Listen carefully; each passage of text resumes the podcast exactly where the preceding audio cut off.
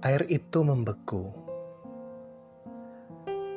karena hari itu minus satu. Jalanan tampak semu.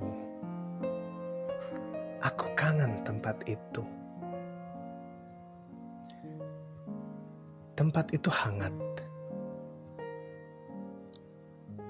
Meninggalkannya pun mungkin berat tak dapat kudeskripsikan dengan tepat. Namun, aku selalu merasa dekat.